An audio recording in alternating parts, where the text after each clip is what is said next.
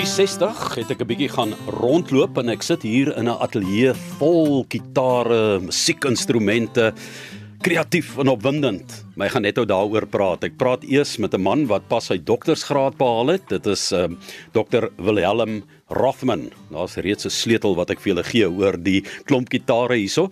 Dr. Wilhelm Kom ons gaan 'n bietjie oor nie die liefde vir musiek nie, maar die liefde vir die akademie. Ja, dit is uh, basies die onderwys wat ek myself in begewe destyds in die jare 80 waar ek in begaafde onderwys betrokke geraak het en uh, my liefde vir uh, rekenaars uiteraard het daar ontstaan en um, op daai stadium met die begaafde onderwys moes die kinders ook stimuleer. So waar ek betrokke was het ons uh, onder andere die die destydse BBC mikrorekenaars uh, aangeskaf. Ek was direk betrokke by dit en dit het gelei tot baie ander dinge soos die opleiding van onderwysers. Ek het begin in opleiding belangstel uh, baie my gefokus daarop en handleidings begin skryf vir uh, die gebruik van die rekenaar.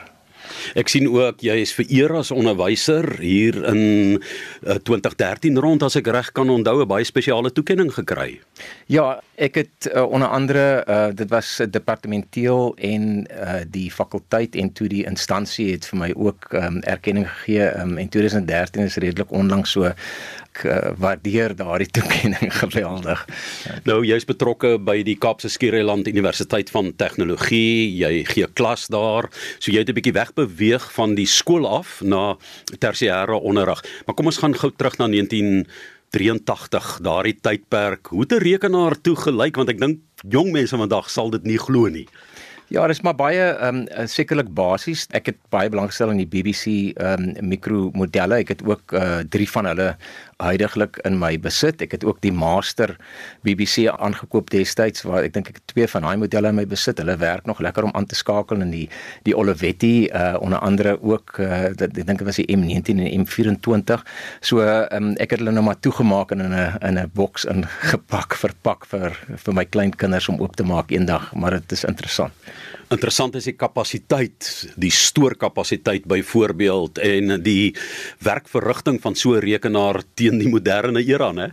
Ja, ek dink destyds het ek ehm um, daar was nog nie harde skywe spesifiek beskikbaar nie, maar ek dink dit was so ek kon so 20 megs uh harde skywe wat ek gekoop het vir die Olivetti vroeër jare was so omtrent so R1000. Ons praat nou nie van gigabyte en terabytes nie en dit is uh megs, so dit is is maar baie baie klein eintlik, maar uh, baie effektief geweest.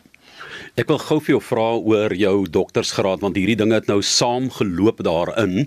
Jy het langs die pad 'n hele paar handleidings geskryf met stelsels betrokke, programmering betrokke, informasie-tegnologie en dan het jy jou liefde vir wiskunde, die wetenskap wil ek amper sê ook bymekaar gebring en daar is sekere dinge wat jy seker langs die pad moes opgetel het waar daar gapings is waar mense gehelp kan word ook deur die uh, studie as dit ware handleiding wat jy nou het in jou doktorsgraad. Ja, ek dink die ehm um, vroeër jare, ek het nog altyd gesien dat ehm um, en ek sê nie programmering gaan jou wiskunde punte verbeter nie. Dit is glad nie wat wat my uh, doelwit is nie, maar die dis die denkwyse wat ek nagevors het, dieselfde denke wat plaasvind in wiskunde. Dis waar ek professor Dubinsky ontmoet het wat uh, die APOS teorie uh, raamwerk en model uh, op die tafel gesit het. Maar met my belangstelling die onderwysdepartement in daai jare, ek dink nie hulle het vreeslik belang gestel in die rekenaarstorie nie of dit gesien as 'n as 'n belangrike wel hulle het seker gesien as 'n belangrike aspek, maar ek dink die strukture het nog 'n bietjie ontbreek en um, ek het toe maar weggebreek uh, van my onderwys af en toe verder gaan studeer in rekenaarwetenskap. Jy het 'n baie belangrike naam nou genoem, maar ek wil hê jy moet vir ons ook 'n bietjie spog en trots Suid-Afrikaans wees, 'n man wat hier van die Oos-Kaapse wêreld afgekom het en wat 'n reuse rol gespeel het juis in hierdie veld. Uh, Johan, ek dink jy verwys nou na na Pappert. Ehm um, mense kan seker sê professor Pappert dink hy was by MIT. Onder andere hy het 'n uh, eh, logo ontwikkel en hy was 'n Suid-Afrikaner en hy het ook onder Piaget gestudeer, maar die persoon met wie ek nou kontak gehad het was professor Dubinsky wat ook dan nou 'n medestudent is wat ook direk onder onder Piaget studeer het. Jy het persoonlik kontak gehad met Dubinsky wat wêreldbekend is, so dit 'n voorreg wees om met so 'n persoon te kan gesels. Ja, ehm um, dit was vir my 'n ongelooflike voorreg want ehm um, toe ek nou die man gaan navors want jy moet nou 'n uh, sekere hoek kry wat jy die intellektuele legkaart wat jy moet kry, hoe koppel jy wiskunde aan programmering en en wat is die uh, ek moes gaan uh, ondersoek instel hoe kan ek dit doen? En uh, professor De Binsky het ongelooflike baie navorsing gedoen op die manier hoe wiskunde plaasvind hoe dit moet um, aangebied word hoe mense en kinders daaroor dink. Nou vandag bly dit steeds 'n groot uitdaging wiskunde in ons skole. En baie van die topleerders die gaan buitentoe. Hulle gaan studeer ekstra klasse. Hulle is by uh, mense wat hulle bietjie mentor maar nie noodwendig altyd die onderwyser nie.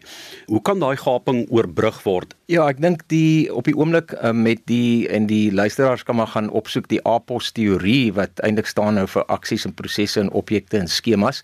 Uh is maar 'n uh, uh, is 'n model uh, soos ek gesê het 'n raamwerk en teorie wat hy op die tafel gesit het en as mens gaan kyk na uh, professor De Binsky se artikels wat hy geskryf het, is dit dit is werklik bladsy en bladsy. Hy het my ook toe in kontak gesit met die uh, Behavior of Mathematics joernaal waar ek dan ook 'n uh, reviewer was onder andere Ja, dit as ek vir jou 'n simpel voorbeeld kan verduidelik, toe ek eendag 'n rugby wedstryd gekyk het en die bok afrigter wat sit en toe ek dink dit was 'n spel tussen die All Blacks en Springbokke, ek kan nie onthou nie, maar en um, kan nie name noem nie, maar hy het so op sy vingers begin tel om uit te werk hoeveel punte ons nog nodig het want ons het gewen daai dag. En dit is 'n tipiese voorbeeld waar jy kyk na iemand wat nog aksies uitvoer. Ook goed, ek sê nie hy het die aksies uitgevoer nie, maar dit is 'n manier waar jy 'n uh, aksie doen om dan uiting te gee aan 'n getalbegrip in jou brein. Nou uiteraard uh het die onderwysdepartement ook dan nou um, skryf hulle ehm um, uh sompompies voor, ehm um, kalkulators wat kinders moet gebruik en die kinders raak so geheg daaraan dat die aksie wat hulle doen is om met hulle vingers op die ehm um, op die kalkulator te tik om 'n antwoord te kry in plaas van om daai ding in hulle brein of die die probleem in hulle brein uit te werk. Ja, ek onthou uh ook daardie wedstryd, die afrigter wat in die hokkie sit, maar Victor wat die lynstaande moes ontleed van die opponente want hulle het baie ingewikkelde wiskundige formules wat gegee word vir die hakker in die span en so meer.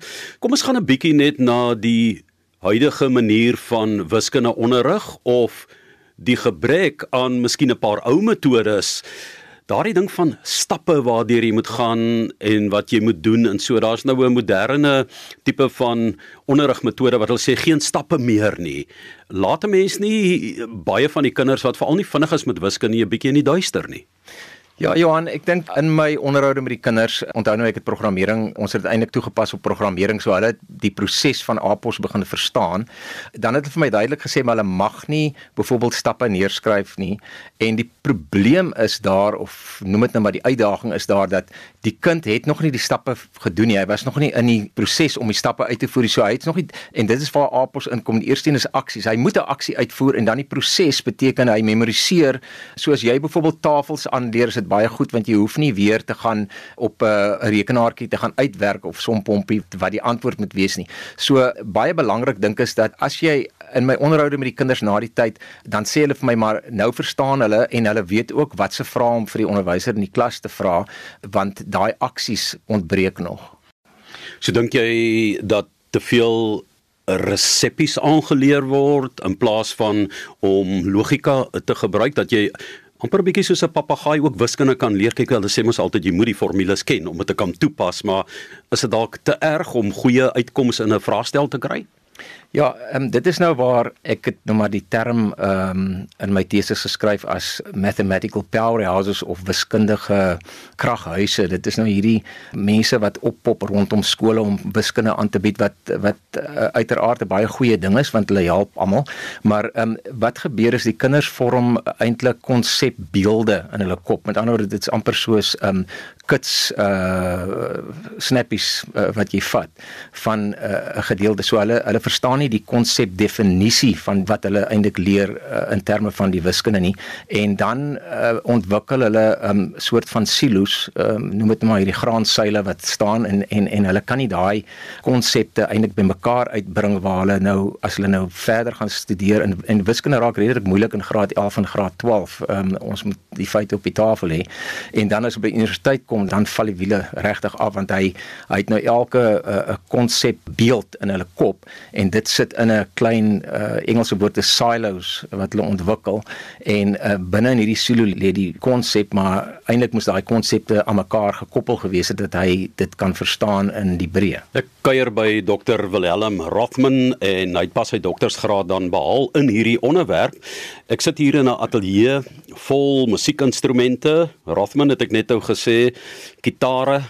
Dit lyk my ene die wiskunde in die res het die musiek gekry. Ja, nee, heeltemal heeltemal waar so nie. Ons ons um, ek bedoel my my dogter is daarom ook redelik betrokke in uh, audit kunde en so aan. Margo, ek het tydens my ehm um, my teses maar met haar deurgewerk hierdie wiskunde toe sy matriek gedoen het om te sien waar die ehm um, voordele en nadele is en waar die tekortkomme is. En dan uh, Grete natuurlik ehm um, wat op die oomblik uh, geoktroeëerde rekenmeester is het daarom redelik uh, haar wiskunde toegepas. So so daai dan iets uit die gene uit oorgegaan en dan is, is hulle ook beide musikaal jou dogters? Ja ehm um, Grete het saam met uh, Loukie destyds ehm um, orkes gehad Ben Nevis en hulle het redelik baie opgetree en sy wou eintlik dit ook gaan doen. Ja, dis 'n baie moeilike bedryf om bestaan te maak. Ehm um, as mens nou vergelyk met Loukie wat dan nou ander dinge doen nou behalwe net om musiek te maak en ehm um, in uh, vertonings op te tree. En dan Margo wat ook 'n uh, platekontrak by Select gekry het. Um, sy sal onthou word vir Vila se kind vir die klankbaan waarin sy toe vind ek jou gesing het. So jou kinders is baie musikaal en die kombinasie van musiek en wiskunde is alom bekend. Professor Philip McLaughlin, uh professor Johan de Villiers, uh die universiteitskoor dirigente, die Rothmans, jou pa was burgemeester Loukie Rothman van Goodwood destyds uh, in 'n baie interessante era het julle musiek gemaak in die huis daai tyd? Kan jy onthou dat musiek 'n belangrike rol gespeel het by julle Ja, ek het nog my pa se trekklavier hier. So hy was onder andere ook in 'n orkes. Mense weet dit het nog vir my vertel destyds hoe hy die trekklavier aan oor 'n uh, hoë muur of uh, heining gegooi het in die nag wanneer hy terugkom en jy weet die ou mense was mos baie beskermend en uh, kinders moes seker al 8 uur in die huis wees en dan gaan hy nou uit saam met die vriende en hulle gaan maak musiek. So ek dink dit was by hom ook seker 'n soort van 'n doelwit wat hy graag maar uiteraard uh, het hy hom begewe in ander goed en met sy paale rade en so aan. En uh, Dr Wilhelm Rothman, enige musiekinstrumente?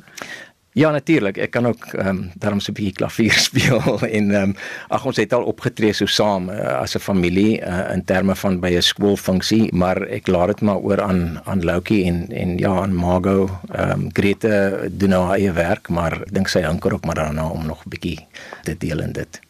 Kom ons laat dit oor aan Loukie, luister na 'n bietjie van sy musiek. Ek het gesels met Dr Wilhelm Rothman oor um, sy studierigting, sy doktorsgraad wat hy pas voltooi het, hoewel hy al amper aftree by die Kaapse Skiereiland Universiteit van Tegnologie en um, Mestrie eintlik nooit werklik af wanneer jy in die rigting is nie. Miskien formeel uit 'n pos uit, maar ek meen hierdie prosesse gaan aan hè. Ja, wat ek dink ehm um, ek weet my my vader het altyd vir my gesê hy sal nooit aftree en ek ek dink dit is baie belangrik. Ek sien baie mense wat aftree en dan hulle kom eintlik tot stilstand ehm um, in hulle spore want hulle sê hulle gaan nou nou gaan hulle lekker koffie drink in die oggend en nou hoeveel maal kan jy nou koffie drink by 'n restaurant? So 'n mens moet maar ek dink jy moet besig bly. Dit is baie belangrik. Thank you.